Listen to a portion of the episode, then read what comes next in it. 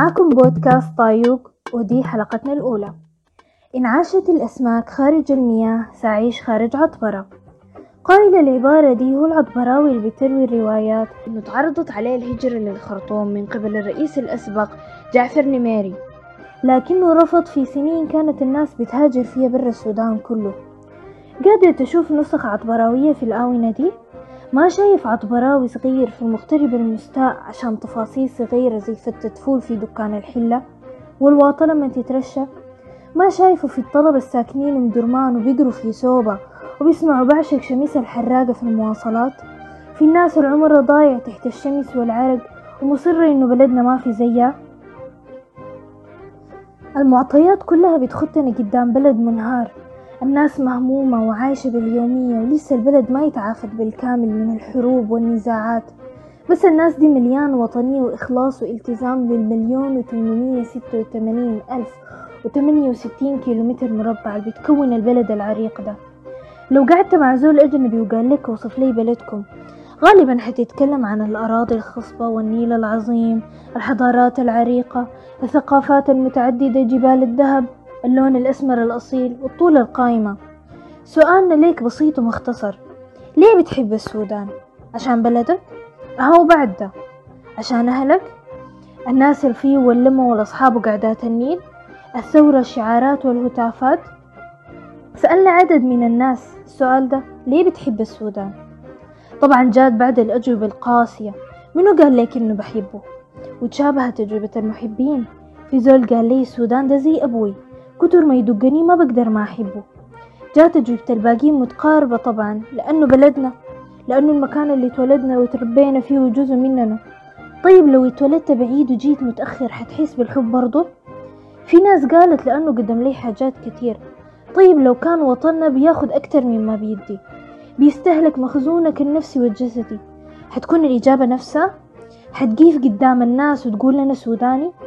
ما حصل سألت نفسك هل مفهوم الوطنية بينافي طبيعة الإنسان الأنانية اللي لكل عطاء بينتظر مقابل علشان نجاوب على السؤال ده لازم نعرف معنى الوطنية الوطنية تعرف بالشعور بالتعلق والالتزام اتجاه الوطن طيب الشعور واضح والتعلق والالتزام واضحين وإنت حاس بيهم وأنا حاس بيهم وكلنا لكن بالنسبة للوطن شنو الوطن؟ شنو ملامح الوطن؟ هل في تعريف ثابت للوطن؟ هل مفروض يكون المكان المثالي دائما المعطاء دائما مفترض أحس فيه بالرضا والاكتفاء؟ ما أجوع؟ ما أخاف؟ ما ممكن يكون في مكان مثالي أكتر وبيديك أكتر ومرتاح فيه أكتر لكن ما حاسس إنه ده مكانك. ده ما وطنك ما حاسس فيه بالانتماء. أيوة بالضبط. بيتعلق الأمر دايما بالانتماء. أهم شعور بيقدمه ليك الوطن هو الانتماء. بدأ الانتماء في الإنسان كاحتياج. بتقدر تلمسه في الإنسان الأول لما نكون الجماعات داخل بقع أرض محددة. عشان يحس بالانتماء في الأرض دي مع الناس ديل ويكون جزء من شي. عشان التواجد في جماعة تشعر اتجاهها بالانتماء حيزيد نسبة تقديرك لنفسك. الشعور بالانتماء كفيل جدا بتفسير مفهوم معقد ومتشابك زي الوطنية. سارسون العالم النفساني بعرف الانتماء إنه إدراك الفرد للتشابه بينه وبين الآخرين والارتباط المتبادل والواعي بينهم والرغبة في الحفاظ على هذا الارتباط المتبادل بتقديم أو فعل ما يتوقعه الآخرين لهم والشعور بأن هذا الفرد جزء من بينية أكبر يمكن الاعتماد عليها وثابتة طيب الإدراك للتشابه في بداية التعريف بطرح سؤال مهم هل إحنا بالثقافات والأعراق المختلفة دي كلنا بنتشابه؟ لو نظرنا نظرة عميقة فإحنا كلنا كأي جزء من مجتمع بنتشارك شعور التنمية والحضارة وكلنا عايزين السودان يبقى بلد أحسن ويسعى الجميع. ولو نظرنا نظرة سطحية فأنت بتكون مرتاح في الجماعة اللي بتتكلم نفس لغتك وبنفس عاداتك وسلوكك والطعام والملبس وغيره ويتربت في بيئة مشابهة لبيئتك حدود متشابهة عواطف متشابهة وقصص حياة متشابهة. الجزء الثاني من التعريف بيتكلم عن الارتباط ورغبتك في الحفاظ عليه. والارتباط والالتزام بيبدأ صغير بناس بيتكم ناس حلتكم.